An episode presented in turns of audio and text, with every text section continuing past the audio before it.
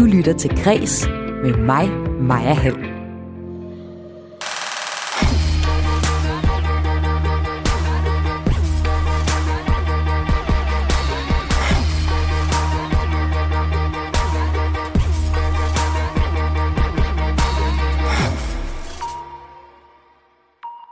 Elvis i Danmark er en ny anmelderos bog, der fortæller om musikken i sammenhæng med den danske populærkultur fra 1950'erne og til i dag. Men det er bare en skoleartikel, der er blevet for lang, mener manden bag Elvis-museet i Randers. Hører du lydbøger? Det er ofte skuespillere, der indlæser dem, og det er et stort arbejde, som lønnen så ikke længere afspejler, mener de. Forlag afviser kritikken. Du kan også høre, at der er en ny sæson af Klovn på vej, selvom Kasper Christensen og Frank Mam, der står bag Klovn, egentlig havde besluttet ikke at fortsætte. Jeg hedder Maja Hall. Velkommen til Kres.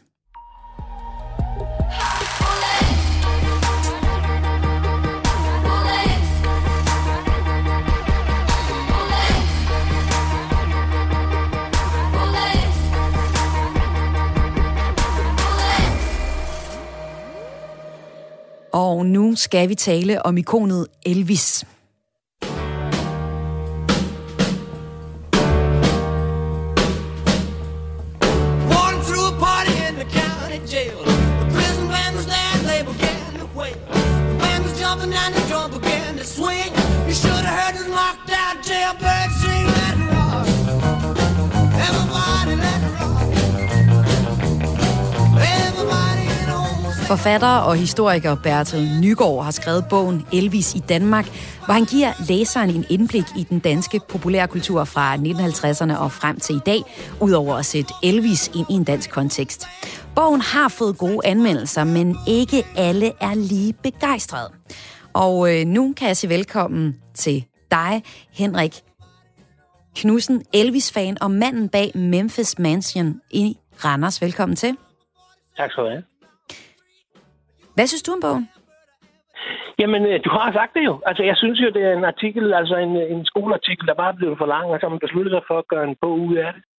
Øhm, øh, og, og så synes jeg øh, måske væsentligt, at man, man øh, tager Elvis i, øh, som gissel i noget, som... Øh, han har måske en andel i noget, en del af historien, men i virkeligheden så sker alt det, der bliver beskrevet i uh, bog, det sker længe før Elvis han overhovedet kommer til Danmark.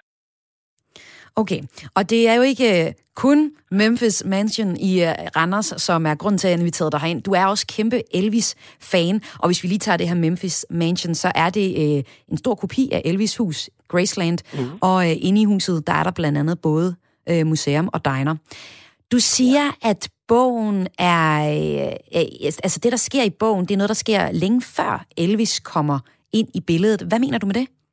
Ja, man kan sige, at, at nu, jeg kan godt se, at det Bertel på at skildre Elvis' øh, øh, betydning fra, han, da han lander i Danmark. Men der blev beskrevet om et ungdomsoprør. Og det ungdomsoprør, det kan man ikke, øh, det kan man ikke, øh, det kan man ikke, øh, hvad kan man sige, kredit kan man ikke kun give Elvis, fordi at øh, Øh, en anden bog, som jeg synes er, er måske lidt mere skarp og lidt mere nuanceret, som hedder Ung i 50'erne, som uh, Jens Emil Nielsen, journalist uh, Jens Emil Nielsen, skrev. Uh, hvad hedder det? Uh, skriver han jo, at, uh, at blandt andet den danske uh, skuespiller Ibn Musin i uh, Farlig Ungdom, som var en film, der øh, havde øh, blev øh, hvad hedder det, øh, released i 1953, tror jeg det er. Og Elvis, han, øh, han, er, han er ikke blevet Elvis endnu i 1953, og allerede da den her film kommer ud, så, så er der, der er et skred i den måde, som, øh, som ungdommen... Øh, altså, man skal huske på, at ungdommen før alt det her sker, havde ikke, øh, hvad skal man sige, den kultur, som man har i dag. Man lyttede til forældrenes musik. Man øh, klædte sig. Man gik i det tøj, som ens far eller mor har på. Det kunne man få aflagt senere. Jeg ved godt, sådan var det ikke alle steder, men sådan var det mange steder. Øh, man blev øh, friseret øh, og klippet med øh, en... Øh, med en maskine, så alle havde det samme hår, og lige pludselig begynder ting at ændre sig. Og der er, der, der, der, der er så mange ting. Der er også en James Dean, øh, som i den grad har en kæmpe rolle i den her proces, der er blandt unge mennesker, der gerne vil finde deres egen identitet. Så faktisk mener du, Henrik Knudsen, kæmpe Elvis-fan, at øh, der simpelthen er for meget, der bliver tillagt til Elvis' skyld i den her bog? Ja, Jamen både og, fordi man, man, man kan sige, udover at man tillægger Elvis øh, værdien af de her ting, og det er klart, han har, da han kommer til Danmark, nu handler det om Elvis i Danmark, fordi havde det været Amerika, så havde historien været en lille bit smule anderledes. Men den historie, der blev fortalt om Danmark, kunne lige så godt have været i Japan, den kunne lige så godt have været i Australien, den kunne lige så godt have været fortalt om ungdom i Tyskland, fordi det er nøjagtigt de samme ting, der sker.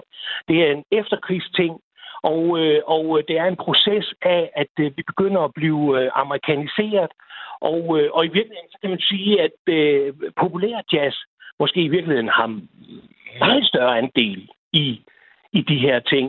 Øh, at Elvis kommer ind, han bliver stor i, øh, i USA i midt-50'erne. Han bliver, han bliver introduceret første gang i Danmark i 58, og han bliver sådan rigtig stor i Danmark, efter han har været soldat.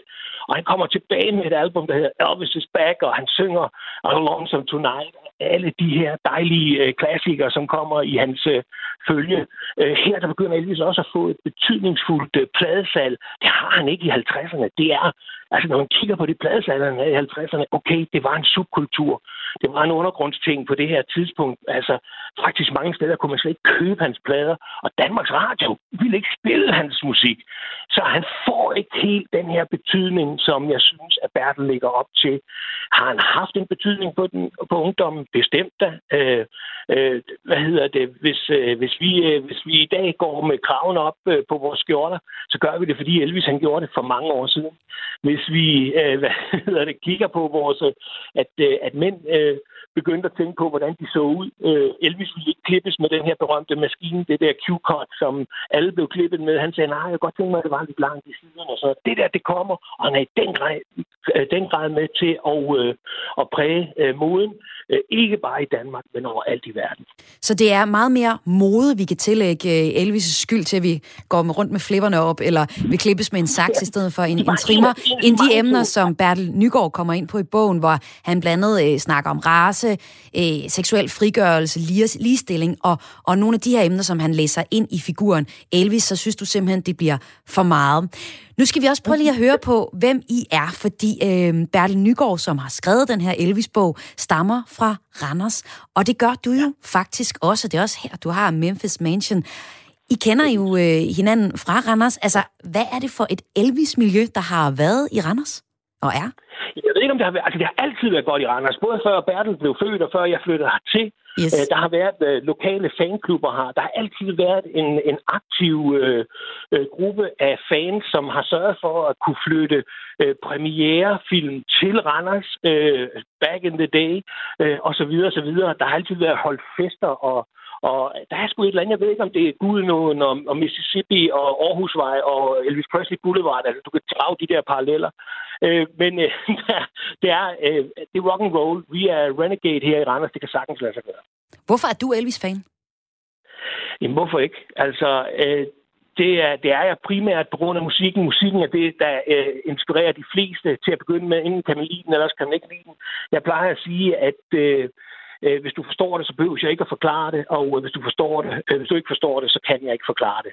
Øh, det er ligesom øh, alt muligt andet i den her verden. Jeg synes, at øh, musikken var med til at flytte mig. Senere så blev det historien, som jeg også synes er vanvittigt spændende. Men jo så ikke en historie, som du øh, deler med øh, Bertel Nygaard. Hvordan kan I have set, øh, altså I voksede op med det samme, i det samme øh, Randers Elvis-fan-miljø, men alligevel ser I figuren så forskelligt.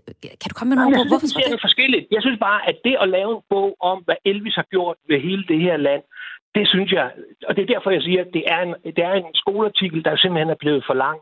Det er fuldstændig, øh, det er, det er en, altså det er, øh, jeg synes ikke, det, det bringer noget nyt.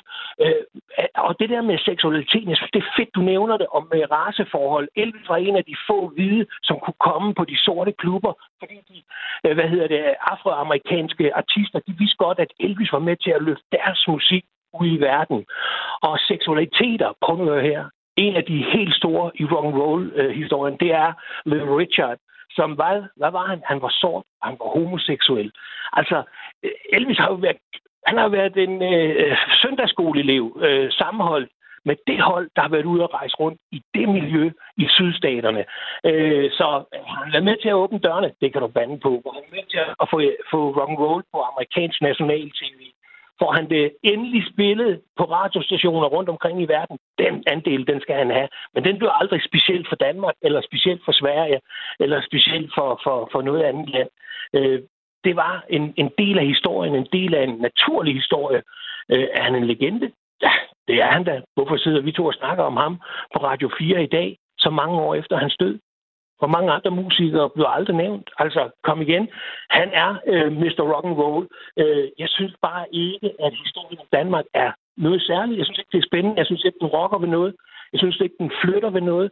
Og det synes jeg er ærgerligt, når man nu gør det. Og du har jo så også valgt at fortælle Elvis historie. Det gør du som en øh, del af kræfterne bag Memphis Mansion i Randers, som øh, jo er både et museum og en diner, hvor I fortæller Elvis historie. Mm. Men øh, hvordan adskiller Memphis Mansion sig fra at skrive en, en bog om Elvis og danske relationer? Jamen, det kan man sige, det gør vi sådan set heller ikke. Øh, hvad hedder det? Men vi fortæller øh, også om, øh, om øh, danske relationer. Vi fortæller om Elvis møder dronningen. Vi fortæller om, at øh, det er en dansker, der hedder Ernst Michael Jørgensen, der producerer pladerne i dag. Vi fortæller om, at Danmark og Randers er det eneste sted i verden, øh, som har en, øh, hvad kan man sige, et statement, der er så stort. Der er ikke nogen i Tyskland, der har lavet det. Der er ikke nogen i England, der har lavet det, der findes i Randers. Vi fortæller historien, men vi gør ikke Elvis til noget, vi ikke tror, han er. Vi fortæller om, hvad hans musik betød for folk. Øh, vi fortæller om hans øh, hvad hedder det, salgsrekorder. Vi fortæller om, hvem han har hvad hedder det, motiveret. Og det er jo ikke bare, eller inspireret, det er jo ikke bare, hvad hedder det, øh, John Lennon, som sagde, for var der ingenting. Altså, der er jo et hav af danske artister. Jeg kan huske vores, øh, vores danske legende, øh, Kim Larsen. Jeg spurgte ham på et tidspunkt, om han til at være med i nogle af de shows, vi lavede, hvor vi inviterede Elvis' gamle musikere til Danmark, og så havde vi danske solister, vi havde Sten Jørgensen, og vi havde forskellige andre Big Fat Snake, som eksisterede dengang, og alle mulige øh, hugget op på de her shows, havde masser af shows, sjov ud af det, og da jeg spurgte herr Larsen, om han ikke kunne tænke sig at være med, så sagde han til mig, Henrik, jeg vil ikke deltage i et show, hvor jeg ikke kan gøre det bedre end originalartisten. Og det der, det er respekt, og det er en god historie. Hvad er egentlig øh, grunden til, at I overhovedet har lavet Memphis Mansion i, i Randers? Jamen, øh, grunden, den er jo, kan man sige, den er selvfølgelig drømme øh, fra, fra vores side om at, at se, at man kan skabe sådan et miljø. Øh, men drømme øh, lever og klarer det ikke alene. En ting er at få tanken, det er at få øh, drømmen og ideen. En anden ting er at gøre det øh, øh, øh, til en realitet.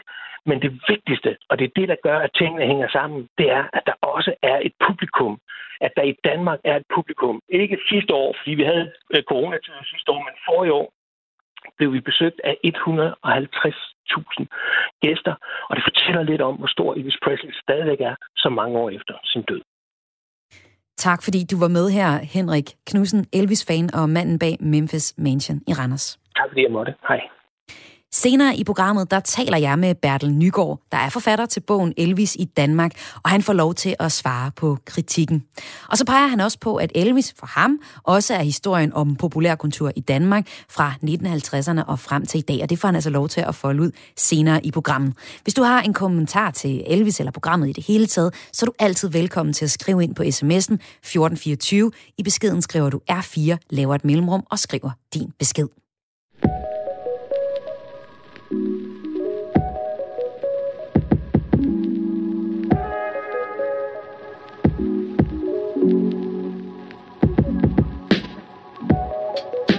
Mit navn er Karoline Kjær Hansen. Jeg er uddannet i litteraturhistorie, og hver uge skræddersyr jeg en læseanbefaling til en af jer, der lytter med her i Kris. Bogreolerne de er nemlig sprængfyldte med karakterer, som alle kan relatere sig til på den ene eller den anden måde. Og det får altså bare skuldrene til at tænke sig 5 cm, når man oplever, at man ikke står alene med det, der kan føles som et stort problem. Har du kærestesover, coronakuller eller svært ved at falde til i din nye by? Uanset hvilken situation du står i, så har jeg et forslag til en bog, der kan lindre dine følelser, og måske endda gøre dig lidt klogere på dig selv. Skal det være lige præcis dig, jeg kommer med en anbefaling til, så smid en sms afsted med det samme til 1424. Husk at begynde den med R4, eller send en mail til kreds radio4.dk, hvor du fortæller lidt om din situation. Mailen staves kraes radio4.dk. Du kan også stadig sende en sms. Nummeret det er 1424. Jeg glæder mig til at høre fra dig.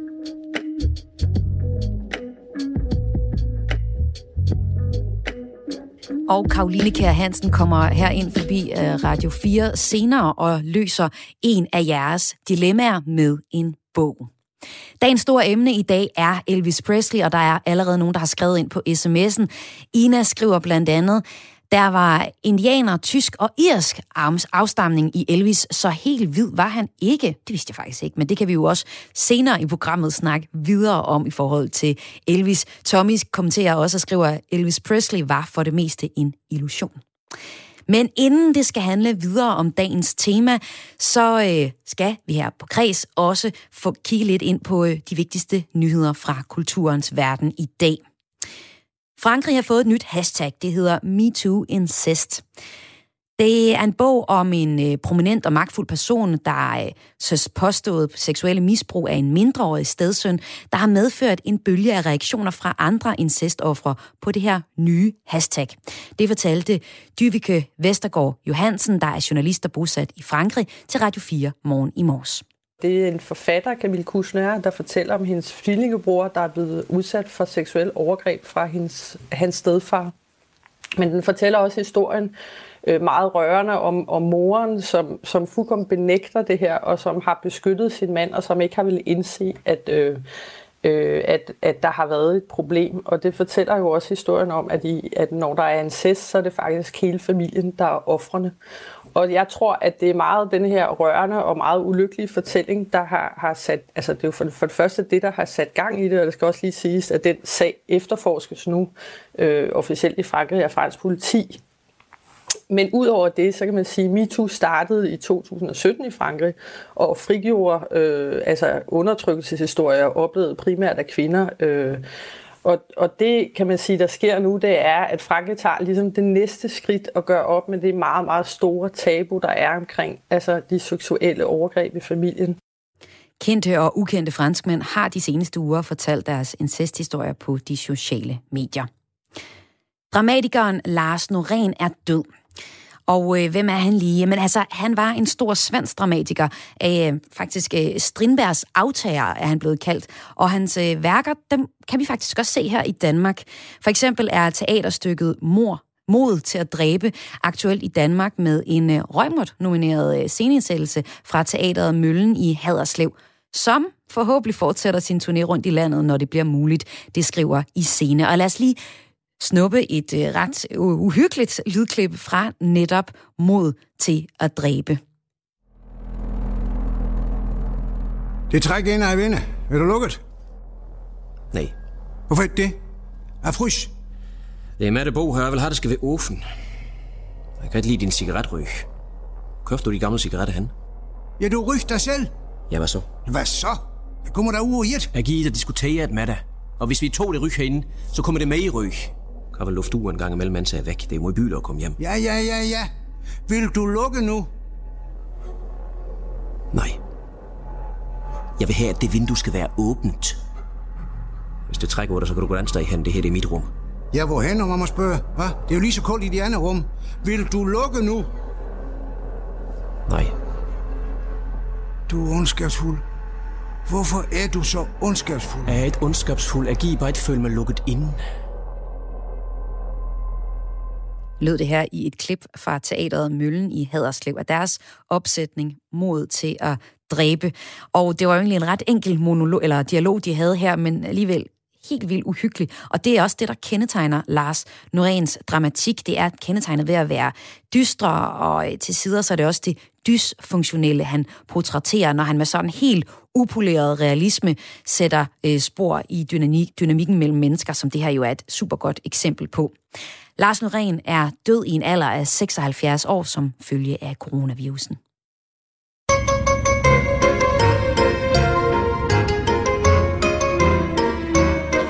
En ny sæson af Klovn får premiere til sommer på TV2 Play.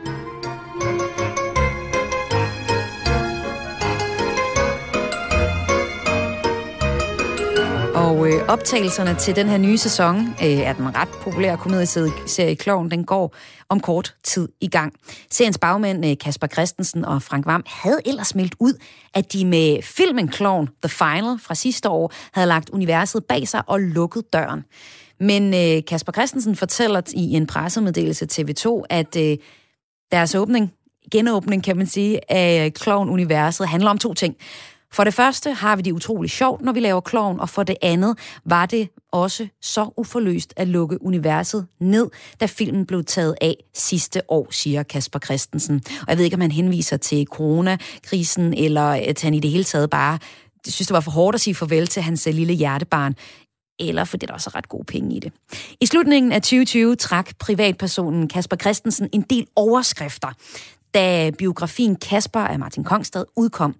I den der kunne man for eksempel læse, at øh, Kasper Christensen var blevet et nyt menneske med en vegansk livsstil, og han var blevet døbt og læst i Bibelen, og ville i det hele taget gerne holde sig på dydens smalle sti.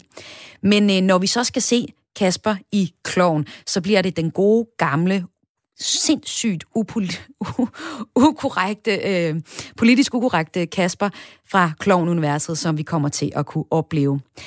Den nye sæson 8 er det jo så for premiere til sommer på TV2 Play. Og nu skal det handle om lydbøger. Skuespillerbranchen mener, at lønnen er for lav. Forlag afviser kritikken. Det er ganske almindeligt, at skuespillere tjener penge på at indtale lydbøger, og det seneste år er der blevet, altså det er blevet et enormt stort marked, og du har sikkert også hørt en øh, lydbog eller to. Men lønnen udvikler sig i den forkerte retning. En skuespiller fortæller til Kulturmonitor, et kultursite, at øh, hvor han tidligere fik tilbudt sådan 8-1000 kroner per indlæsningstime, så har han fået tilbudt omkring 500 kroner og mindre. Og det er han ikke ene op om at opleve. Derfor har Dansk Skuespillerforbund indkaldt til stormode om løn i øh, lydbogsbranchen i dag. Så øh, formand for Dansk Skuespillerforbund, øh, Benjamin Boe, hvad er problemet med lønnen for øh, indlæsere af lydbøger? Altså det, vi har oplevet øh, øh, blandt vores medlemmer i hvert fald, som har i talsat det gennem de senere øh, øh, par år, det er jo, at det er en branche, der er i, i altså lydbogsbranchen er en branche, der er i eksplosiv vækst, men vores medlemmer oplever jo, at øh, øh reallønnen til gengæld går den anden vej. Øh, og når vi så går ind i og undersøger det og beder folk om at øh, øh, dele øh, deres kontraktforhold øh, med os, så kan vi jo se, at øh, lønnen svinger helt utrolig meget for det samme arbejde, alt efter hvorfor et, øh, et lydbogsfirma eller hvorfor forlag man arbejder på. Og, øh, altså, og vi snakker om, at lønnen svinger rigtig meget, og når vi sammenligner med de skandinaviske lande, altså Sverige og Norge, så ligger der nogle rammeaftaler om, hvordan man giver aflønnet i forhold til øh, indlæsning af lydbøger. Og der kunne vi jo godt tænke os at komme i en dialog med branchen, så man på en eller anden måde kunne få lavet nogle rammeaftaler eller nogle øh, ensartede retningslinjer for, hvordan man bliver aflønnet, når man indlæser lydbøger. Vi synes jo alligevel, det trods alt må være forfatterne og, og, og, og dem, der læser bøgerne ind, altså indholdsleverandørerne, der må have del i den øh, øh, opgang, som branchen har, del, har, øh, har i øjeblikket. Og Benjamin Rasmussen, lidt af den dialog lukker vi faktisk op for i dag i øh, Kreds. Ja. Altså, øh, det er sådan, at flere professionelle lydbogslæsere har samlet sig i en lukket Facebook-gruppe og rejst kritik af forholdene på, øh, på området. Det skriver Kulturmonitor. Helt aktuelt er en gruppe af indlæsere blevet enige om at takke nej til opgaver med at indlæse Gyldendals bagkatalog, fordi lønnen er for ringe. Og nu kan jeg også sige velkommen til dig, administrerende direktør Julian Lundsgaard fra Swan Studio. Velkommen til. Ja, tak. Tak for det. I har arbejdet med produktion af lydbøger i øh, 38 år og leverer blandt andet til Gyldendal. Vi hører her, at skuespillere mener, at lønnen per indlæsningstime er blevet for lav.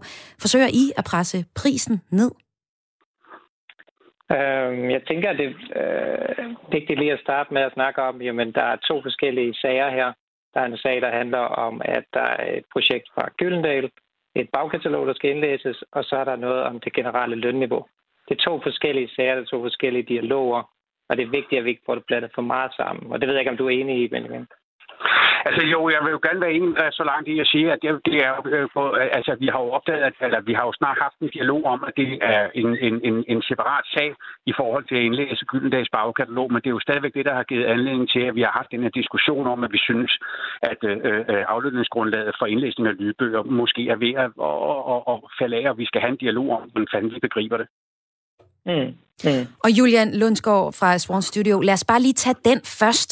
I en konkret sag har I tilbudt 500 kroner per, per indlæst time for en opgave for Gyldendal. Er 500 kroner per indlæsningstime en fair pris? Øh, om det er en fair pris, det, det vil jeg sige, det er op til den enkelte indlæser. Altså om jeg synes, det er en fair pris, det er måske ikke det vigtigste. Det vigtigste er, om, om den indlæser, vi tilbyder en opgave til, egentlig synes, at de gerne vil lave opgaven til den pris. Øh, der vil være indlæsere, der synes, det er, det er en rigtig fin pris. Den er, ikke, øh, den er ikke langt fra, øh, hvad de normalt får, og hvad der normalt har været gennemsnittet. Så for dem er det, er det rigtig fint, og så vil der helt klart, og det er der, og det er vi bekendt med, nogen, som ligger øh, højere op, som synes, at det er for lavt, og det er også helt okay. En af dem øh, er for eksempel øh, Thomas Knudt, der er skuespiller de sidste 10 år, har indlæst lydbøger. Og øh, ja. han er en af dem, der synes, at det er for lavt, fordi han kan godt få tilbudt 8 og 1000 kroner for en, en indlæsningstime. Så jeg kunne godt tænke mig lige høre dig, formand for Dansk Skuespillerforbund, øh, ja. Benjamin Rasmussen. Altså, som vi øh, hører her blive sagt, jamen så kan skuespilleren jo også bare takke nej, hvis de synes, den pågældende løn per time er for lav. Men det kan de jo, og det er jo også altså, det er jo en af de ting, vi har snakket om i, øh, i, i dag på det store møde blandt indlæserne, at hvis vi skal gå ud og kunne være, prøve på at få lavet nogle rammeaftaler med, med forlagene, som de, og det skal jo vel at, sige, vel at mærke sige, altså øh, øh, øh, studierne og forlagene skal jo også kunne se sig selv i det her. Så skal vi jo stå sammen om at sige nej, og jeg synes jo, det her pro, øh, projekt er jo et, et, et nu har Julian jo out, øh, i, i talesat det som et øh, afgrænset projekt, og det synes jeg jo er rigtig fint, fordi det betyder jo så også, at Julian også siger, at det er det generelle lønniveau, der kommer til at reflektere det, der er her. Det vi er bange for, det er, når man lægger en overlægger så langt nede, at det kommer til at blive gældende for resten af branchen. Og, og, og, og hvis vi skal ligesom hæve niveauet, så skal, folk, så skal vi være enige om, at vi står sammen om at sige nej hvis øh, øh, øh, øh, prisen for, at, at den tilbudte pris, der bliver, til, øh, bliver øh, øh tilbudt, er for lav. Og Thomas Knudt, skuespilleren, som jeg lige øh, nævnte før, han øh, siger for eksempel til Kulturmonitor om markedet, at det er et fuldstændigt frit marked uden overenskomst. På samme tid er der et marked i eksplosiv vækst, hvor der er mere og mere lave. Jeg synes, det er mm. ærgerligt, at der ikke er aftalt en minimumsløn, Øh, det er på høje tid, at der bliver, reguleret, øh, bliver et reguleret arbejdsmarked, det mener Thomas Knudt, der i løbet af sine 10 år som lydbogsindlæser blandt andet har arbejdet for forlag og lydbogsproducenter, som for eksempel Swan Studio, vi har med nu, og Lindhardt Ringhoff for os øh, Gyldendal. Og vi skal lige snakke om det her med altså at lave en, en mindst, mindsteløn, lave en slags aftale. Men jeg kunne godt lige tænke mig at høre, Benjamin Rasmussen, har I allerede haft et stort møde?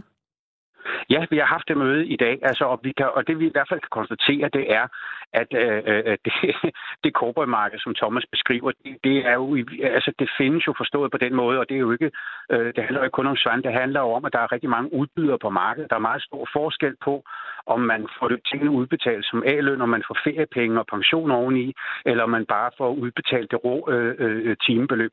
Øh, øh, og, og, og forskellene i sig selv er jo meget store, så derfor er jeg jo enig i, at når man har et arbejdsmarked, der vokser på den måde, at det vil være, må også være en fordel for forlagene og, og de studier, der indlæser bøgerne, at der ligesom er nogle rammeforhold, øh, man kan forholde sig til, øh, så man også kan bibeholde kvaliteten af de indlæsere, øh, øh, der er i øjeblikket. Men den kan vi jo spørge øh, Swan Studio om lige nu.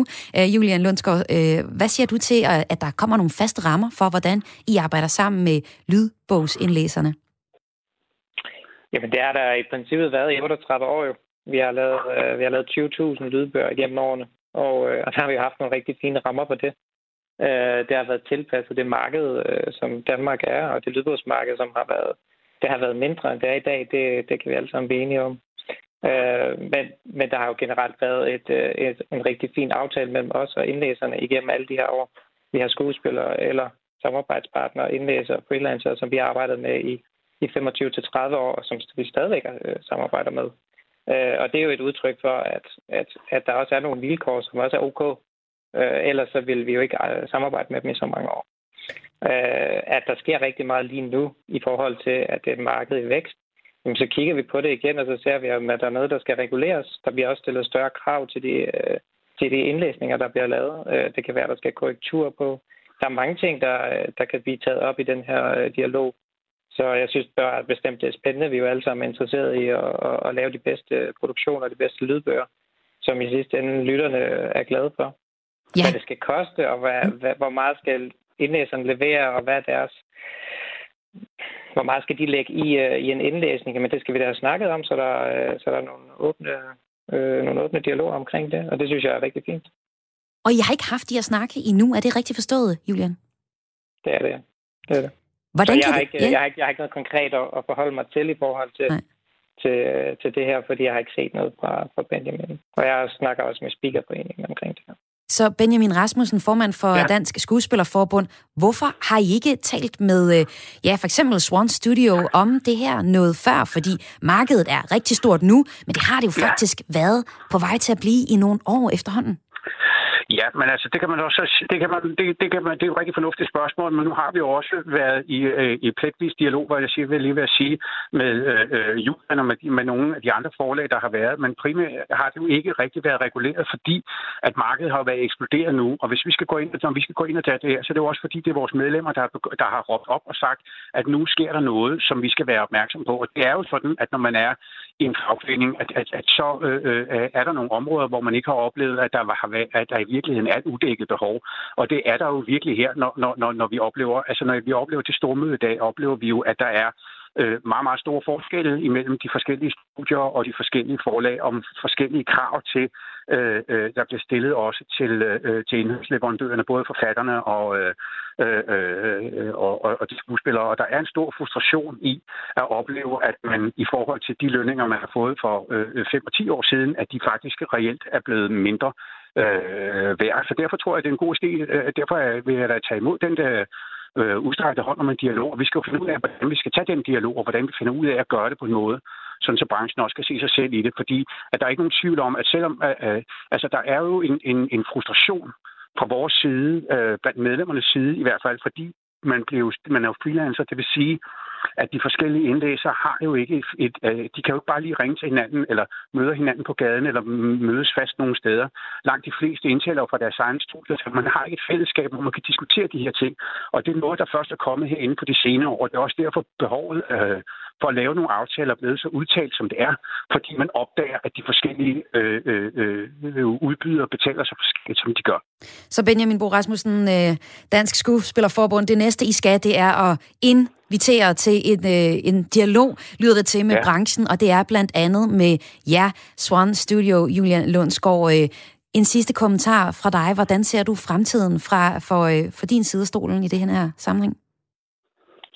Jeg ser også som en, som en del af, af, af lydbogsbranchen i Danmark, som vi har været så mange år. Øh, vi har udviklet os selv rigtig meget. Vi producerer øh, mange lydbøger, ikke kun i Danmark.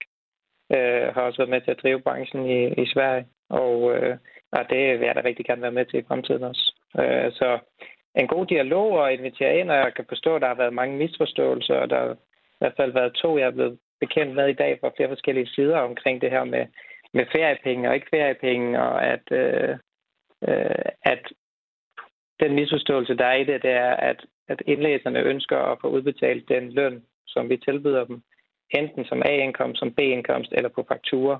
Det er det samme beløb, der er bare forskel på, hvordan det bliver udbetalt. Det er ikke fordi, at vi øh, hvad kan man sige, ønsker at, at gøre det på en bestemt måde, eller snyde nogen, eller hvad der nu er blevet snakket om. Det er mere et spørgsmål om, at der er nogle forskellige ønsker fra, øh, fra, øh, fra indlæsernes side, og vi vil udbetale ja, det, det så godt vi kan. Og tusind tak, fordi du også var med her Julian Lundsgaard fra Swan Studio. Tak til jer begge to. Det var altså øh, snakken, øh, dialogen, kunne man høre her, mellem Dansk Skuespillerforbund og øh, Swan Studio, som repræsenterede en af de mange forlagsbrancher, der øh, arbejder med øh, lydbøger. Og debatten var altså, er priserne på øh, indlæsningstimer egentlig helt ok?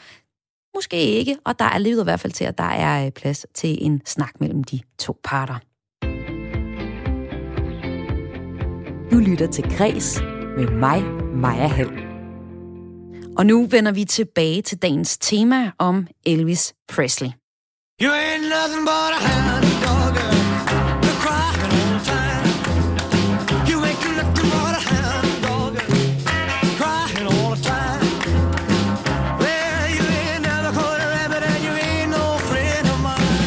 Elvis Presley er nemlig temaet i dag i Kreds. Og øh, nu kan jeg sige velkommen til dig, Bertel Nygaard. Du er forfatter til bogen Elvis i Danmark, som netop er udkommet, og tillykke med den. Tak skal du have. Henrik Knudsen fra Memphis Mansion i Randers kom tidligere her i programmet med en kritik af din bog. Han synes, at du øh, spænder Elvis foran lidt for mange pointer omkring populærkulturens udvikling i Danmark. Hvad tænker du om den kritik? Jo, men altså, jeg er jo øh, jeg er så set glad for, øh, for alle måder at forholde sig til min bog på, og øh, man kan jo ikke som forfatter kræve, at alle skal kunne bryde sig om det, jeg gør. Jeg glæder mig bare over, at der er så mange, der så øh, til gengæld har rost den. Øhm, jeg synes måske nok, at Henrik skulle have læst lidt grundigere i min bog, inden han øh, afviste den som en skoleartikel. Øh, faktisk, altså, er det jo sådan, at, at min bog jo ikke handler om, at Elvis har været årsag til øh, den seksuelle frigørelse eller øh, nye raceopfattelser eller sådan noget. Nej, Elvis er et omdrejningspunkt for en hel kultur og en helt kulturel omvæltning, og det har han været siden 50'erne, og det er det, min bog handler om. Så det er jo et ind, jeg bruger Elvis som et kig ind i den kultur. Og så hæfter jeg mig også ved, at mange af de specifikke ting, som Henrik øh, efterlyser i min bog, jo faktisk er der, er til stede. Altså det med øh, ungdomskulturen, der var før Elvis, og det med populærjazzen, og det med Danmarks Radio, og det med Elvis' stil, der bliver kopieret af alle de unge. Også det med Elvis i Danmark i dag, med Ernst Jørgensen, der er pladeproducer, og Henriks egen Memphis Mansion. Det er alt sammen i bogen, Henrik. Prøv nu at læse den igen. Og hvad med Henrik? Så. Har du egentlig talt med ham i forbindelse med den her? Ikke i forbindelse med den her. Øhm, altså det var sådan, at jeg fandt jo ud af ret hurtigt, og det var endda cirka en måneds tid før bogen udkom, at øh, Henrik havde besluttet sig for at ligesom affærdige, affærdige hele mit bogprojekt. Så jeg, jeg må sige, at jeg tager ikke hans kritik så forfærdeligt tungt, fordi hvis det nu byggede på en læsning af min bog, som den egentlig er, så vil den måske også se anderledes ud. Hvorfor tror du så, den her kritik kommer alligevel? Jamen, jeg tror, jeg tror, det kan jeg jo kun gisne om. Øh, altså, jeg tror, det har noget at gøre med, at der er forskellige forventninger til, hvordan man skal øh, omgås Elvis øh, i dag. Og på den måde bekræfter det øh, den her, jeg vil ikke sige strid, jeg har med Henrik, fordi det har jeg egentlig ikke, men de stridende opfattelser, vi har øh, øh af, hvordan man skal varetage arven efter Elvis.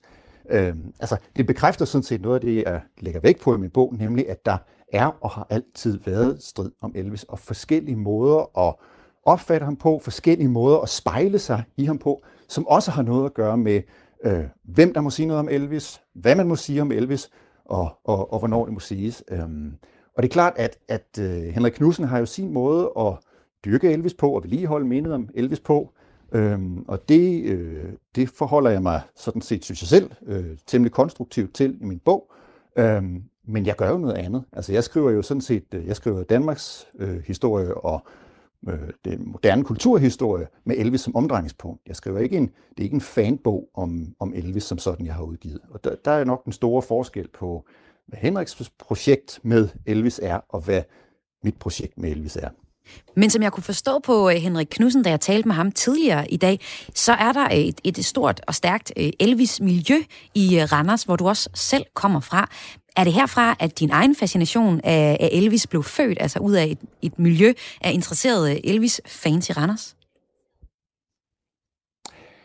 Nej, det var det faktisk ikke. Øh, jeg opdagede Elvis sådan på egen hånd.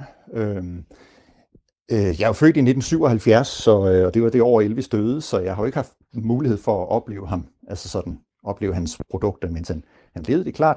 Men øh, jeg opdagede ham, da jeg så ham på tv i, øh, det har været i 1986, da de, øh, da de sendte, da Danmarks Radio, der var den eneste kanal dengang jo, sendte øh, et øh, tv-show med Elvis, og han blev ligesom grebet af energien i ham, og, og, og den, der var et eller andet i Elvis' musik, som jeg savnede i den samtidige musik i 80'erne. Altså popmusik i 80'erne lød meget glat og skulle lyde meget sådan uberørt af menneskehånd. Og, og Elvis virkede på mig energisk og tilstedeværende og på på en måde, jeg rigtig godt kunne lide. Jeg har været de der 8-9 år da jeg først sådan fik øjnene op for ham. Så det gjorde jeg egentlig på egen hånd. Og dermed var jeg jo også meget yngre end, end så mange af dem, der var i, i fanmiljøet i Randers. Og jeg opdagede sådan set ikke, at der var et, et fanmiljø i Randers i første omgang. Da jeg øh, meldte mig ind i en fanklub, da jeg var mm, 10 år gammel, øh, men det var den, der lå i København, og som lå forud for den, som Henrik siden øh, stiftede. Men så igennem den fanklub fik jeg så kontakt med, med Henrik Knudsen og lærte ham at kende, og, og færdes lidt i den klub i et par år, inden jeg sådan trak mig fra, fra det miljø igen og hældede mig sådan andre ting. Men altså, Elvis blev ved med at være hos mig, hans musik og interessen for ham som, øh, som figur, blev ved med at være hos mig øh, i alle de år, der er gået siden. Og det, jeg kan høre dig også sige, det er, at der er simpelthen forskellige tilgange til, øh, hvordan man dyrker øh, Elvis. Du har både gjort det personligt, men også fagligt interesseret i Elvis. Og det øh, er også det, der har fået dig til at skrive ja. bogen Elvis i Danmark, som jo egentlig har fået rigtig flotte anmeldelser. Det må vi ikke glemme. Og øh, der er en bestemt scene i bogen, jeg godt kunne tænke mig, at vi lige taler om nu. Det er en scene, hvor Elvis bliver jagtet af en flok unge kvinder, som jeg synes, vi skal prøve at starte på. Vil du ikke prøve at genfortælle lige præcis den scene? Jo, jo, der er, ligesom, der er ligesom to kapitler i det. Det ene er, hvad der skete, og det andet er, hvordan det blev forstået i Danmark. Øh, og kontrasten mellem de to, synes jeg egentlig er meget interessant.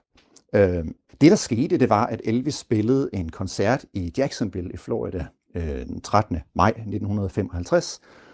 Og øh, der var han så den mest kendt nede i de amerikanske øh, sydstater, og han havde vendet sig til, at øh, de unge piger var ret fascineret af ham og gerne sådan kom om bag scenen bagefter og efter, efter koncerterne og opsøgte ham for at få en autograf osv. Den her ene dag sagde han så som afskedssalut, øh, da han var færdig med sit korte sæt af sange, der sagde han, vi ses bag scenen, piger.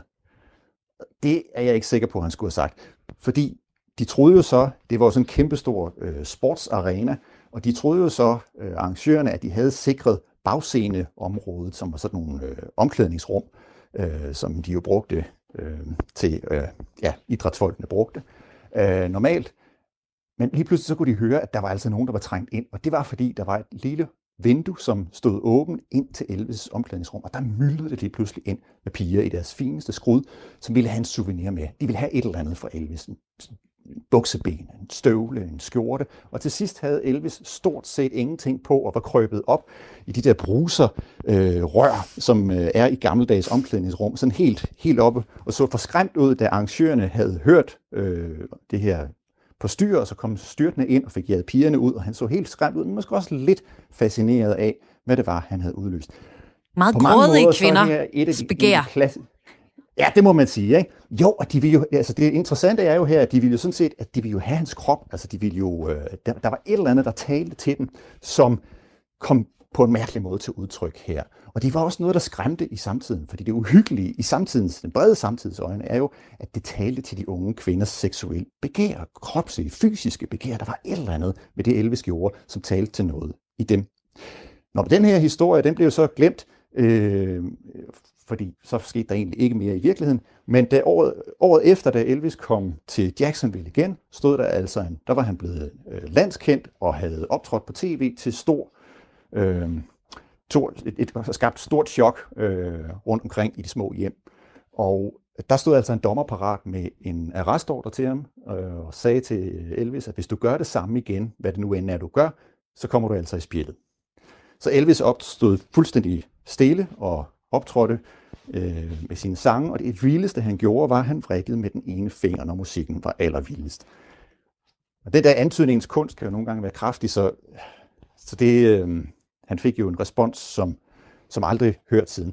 Det var sådan set det, der skete i USA.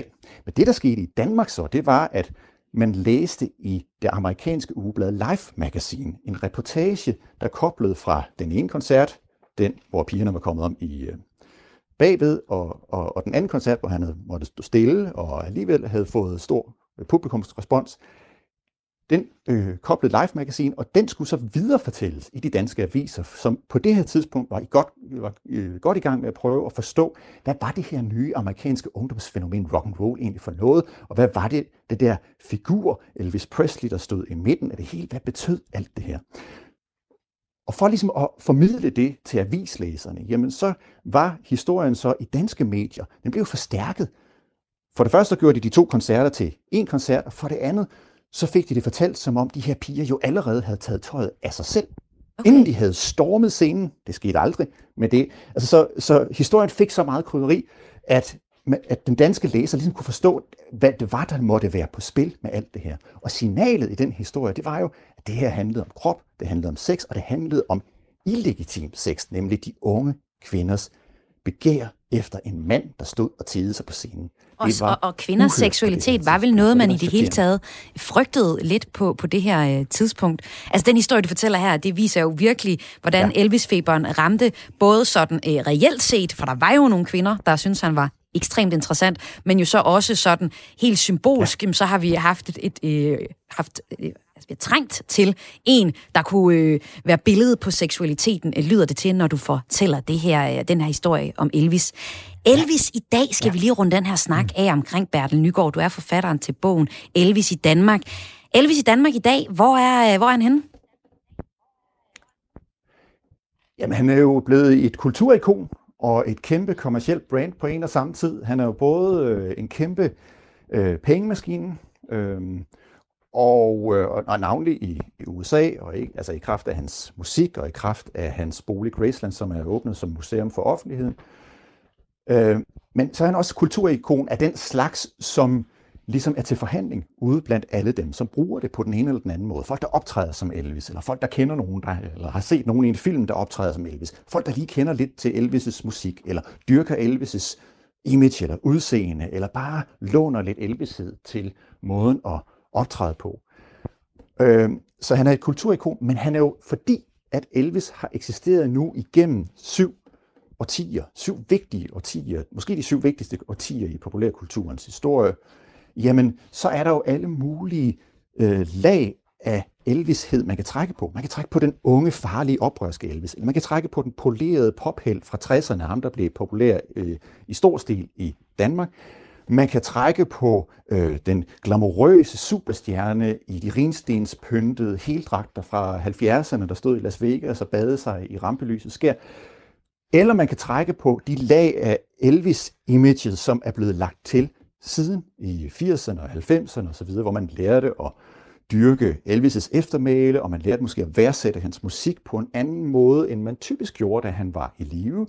Og ikke kun anerkende den tidlige, oprørske rockmusik, men måske anerkende hele hans katalog for de musikalske kvaliteter, som det også har.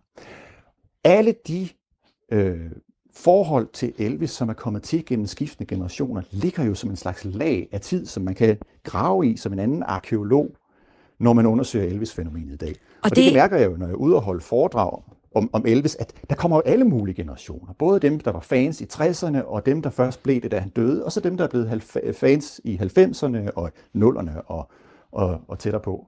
Og Bertel Nygaard, du har jo så samlet nogle af de øh, refleksioner i bogen Elvis i Danmark, hvor du beskriver Elvis øh, og hvilken betydning han har haft for i, i den danske kultur. Tak fordi, at du var med i dag i Kris. Selv tak.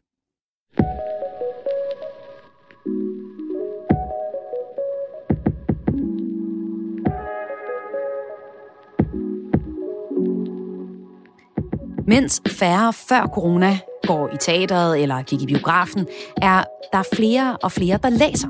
Vores øh, litteraturekspert her på redaktionen i Kreds og vært på Radio 4's litteraturprogram Mellem Linjerne, Karoline Kjær Hansen, oplever, at flere end nogensinde før spørger om læsetips. Derfor så har vi besluttet her på Kreds, øh, som noget helt nyt, at lave en bogbrevkasse, hvor øh, hver onsdag så kommer Karoline ind i programmet her med en skræddersyet læseanbefaling til en af jer, der lytter med. For at øh, få det, så skal man skrive lidt om sin situation, for eksempel på sms eller på mailen. Og øh, det kan jo være, at man lige var blevet far, eller man havde oplevet en, ja, en tragisk hændelse, en sygdom eller noget i livet. Så kan Karoline Kjær Hansen, ja, Kjær Hansen hjælpe med en bog. Og Karoline, du er også kommet i studiet nu. Velkommen til. Tak. Hvorfor er det, at man skal gøre det her? Skriv ind til os. Det er fordi, at øh, jeg tror på, at man øh, i højere grad bliver grebet af en bog, hvis man kan spejle sig i den.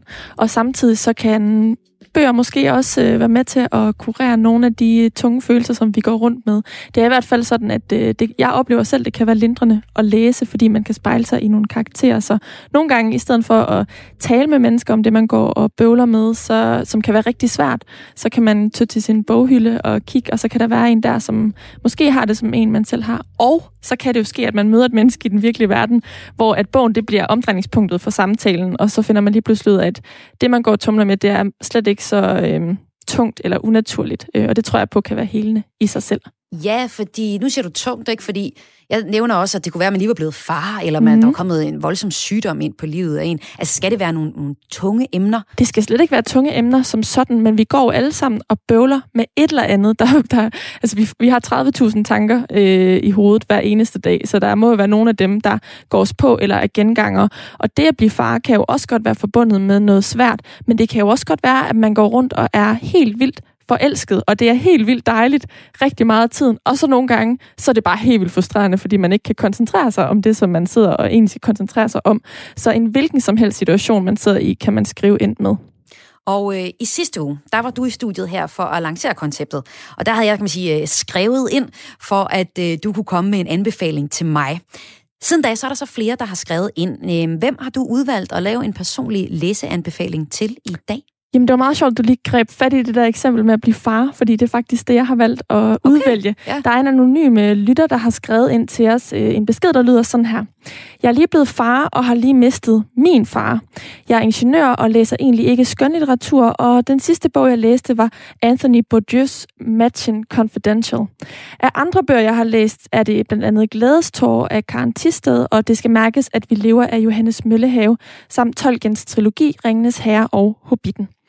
Så det er den her lytter, jeg har valgt at lave en skræddersyet anbefaling til. Og hvordan analyserer du lige den her lytter på de øh, ting, der kommer ind? Jamen, det er jo i hvert fald øh, farrollen, der står i centrum for, ja. for de følelser, som der skal være, eller det, det tema, der skal være i bogen. Men så hæfter jeg mig også ved, at han egentlig ikke læser så meget skønlitteratur, øh, meget faglitteratur øh, og så nyere litteratur. Øh, fordi jeg vil også godt, jeg vil gerne høre noget mere om, hvad for nogle præferencer man ellers har for at, at kunne navigere efter det. Øh, og jeg valgte det her eksempel, fordi jeg faktisk også synes, det var en lille smule udfordrende, fordi på trods af, at øh, der er en øh, universitetsprofessor fra Yale University, Harold, Harold Bloom, der har sagt, at far-søn-relationen øh, faktisk er drivmotoren gennem al litteratur. Øh, det har fyldt hele litteraturen. Det kan være alt fra Dræb ikke en sam- sangfugl øh, af Harper Lee, som faktisk er den mest øh, læste bog i USA. Den er solgt i over øh, 40 millioner eksemplarer, og kun over, det er kun Bibelen, der overgår den bog. Så, så på den måde er der jo klassikere som den, men der er også sådan et helt klassisk drama som Ødipus, øh, man kunne vælge at tage fat i. Men samtidig, så synes jeg egentlig ikke, der er så meget ny litteratur omkring det at være far. Og jeg tænker, at den her lytter har brug for noget lidt nyere litteratur. Så jeg har faktisk valgt at tage fat. Jeg har faktisk taget to bøger med, fordi der er både en skønlitterær bog, og så har jeg også taget en fagbog med. Og de er begge to nye, de er begge to på dansk, så tænker jeg, at så, så håber jeg, at jeg rammer plet på en eller anden måde. Yes, lad os høre. Hvad er det for nogen? Jamen, den første, det er Tony Worms postkort fra Kalifornien. Den udkom øh, sidste år. Det er Tonys øh, debut som skønlitterær forfatter. Han er journalist og har også skrevet fagbøger, men det her det er hans første skønlitterære bog. Og den er altså selvbiografisk, og den handler faktisk om, at han skal skrive den her bog. Han arbejder på en bog om en, øh, en, en dreng, der har et lidt øh, svært forhold til sin far, der er lidt mystisk på en eller anden måde. Og imens han sidder og skriver på den her bog, så sker der det, at han oplever øhm, nogle udfordringer med sin egen søn, som bliver syg, og samtidig finder han også ud af, at han kan ikke skrive den uden at opsøge sin egen far, som faktisk er fraværende, fordi han har rejst til udlandet. Så der er tre spor i bogen, øh, og der er både det her med at, være, at have en søn og opleve nogle udfordringer der, og det med at øh, være far og opleve ham som fraværende. Øh, det er jo selvfølgelig ikke, fordi faren er død, men jeg tænker, at der kan være nogle... Det, et dødsfald kan jo også være forbundet både med altså sorg, men også en eller anden form for vrede eller noget uforløst på den ene eller den anden måde. Det er jo ikke til at vide. Men jeg tænker i hvert fald, at den kan tale øh, ind i i temaet, og det er det bedste, synes jeg, eksempel på nyere litteratur. Vi har også lavet et program om det her i Kreds i foråret sidste år. Øhm, den sidste bog, det er øh, Aiden Suis øh, fader, hvor han har talt med fem forskellige med anden etnisk baggrund om det at være øh, søn og far. Og da jeg læste den her, så kunne jeg faktisk godt øh, spejle mig i den, på trods af, at jeg ikke har anden etnisk baggrund, fordi at det handler rigtig meget om for eksempel at ha- vil have sin fars kærlighed og anerkendelse. Øhm, så der, den taler virkelig også bredt ud. Og det er så en faglitteratur, øh, fagbog, den er skrevet af Aiden Sui, som er sociolog, også udkom sidste år. Så det er Aydin Sui, Fædre og Tony Worms postkort fra Kalifornien. Jeg står med dem her, og det er altså anbefalingen til, godt nok en anonym lytter, der har skrevet ind, men en lytter, der har skrevet ind for at deltage i vores bogkasse brev, bogbrevkasse, hvor man simpelthen kan få en bog til at lindre måske nogle af de ting, man går og bøvler en lille smule med. Hvis man nu sidder derude og godt kunne tænke sig at få sådan en anbefaling, hvad gør man så, Karoline? Så sender man en sms lige nu eller senere på 1424, eller en mail til kreds radio4.dk, og det er k r a e s radio4.dk. Tak, Karoline Kjær Hansen, bogka- bogkasseredaktør her i Kreds og vært på Radio 4's litteraturprogram Mellem Linjerne. Og det var også alt for Græs her på Radio 4 i dag. Programmet kom i hus med hjælp fra Lene Grønborg og faktisk også Karoline Kjær Hansen, som er en del af Græs-redaktionen. Jeg hedder Maja Hall, og vi lyttes ved i morgen eller på podcast. Her efter et nyhedsoverblik, så er det Firtoget, der vinder nyhedsdagen i dag på Genhør.